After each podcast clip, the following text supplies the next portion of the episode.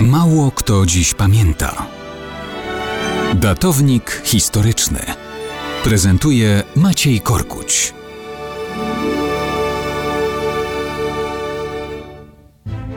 Przed weekendem opowiadaliśmy o Henryku Sandomierskim, który poległ pod Wąbrzeźnem w walce z Prusami w październiku 1166 roku.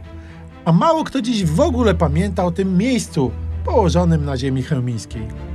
Nazwa Wąbrzeźna została po raz pierwszy zanotowana po łacinie jako Wambres w roku 1246. W tym czasie krzyżacy prowadzili już walki przeciw Prusom, wcześniej nieraz dającym się we znaki mieszkańcom Wąbrzeźna. Powstał tam gotycki zamek i kościół. Miasto wraz z całą ziemią chełmińską znalazło się w granicach państwa zakonnego. I tak było aż do pokoju toruńskiego w 1466 roku. Wróciło do Polski, wciąż będąc pod władzą biskupów chełmińskich.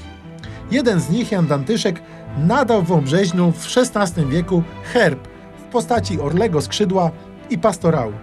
Wojny szwedzkie, epidemia dżumy, w końcu wielki pożar dały się miastu we znaki. Nazwa Wąbrzeźna powinna odstraszać niemieckich Prusaków, ale w XVIII wieku sięgnęli po nie w traktacie rozbiorowym. Burmistrz Roch Jankiewicz i Szymon Klugiewicz wraz z mieszkańcami stali się poddanymi pruskimi. Było tam wówczas 77 domów, 29 browarów i jedna gorzelnia. Przyznacie Państwo, przedsiębiorczość budząca szacunek. Zaraz potem Prusacy przestali łamać języki i urzędowo nazwali miasto Brizen.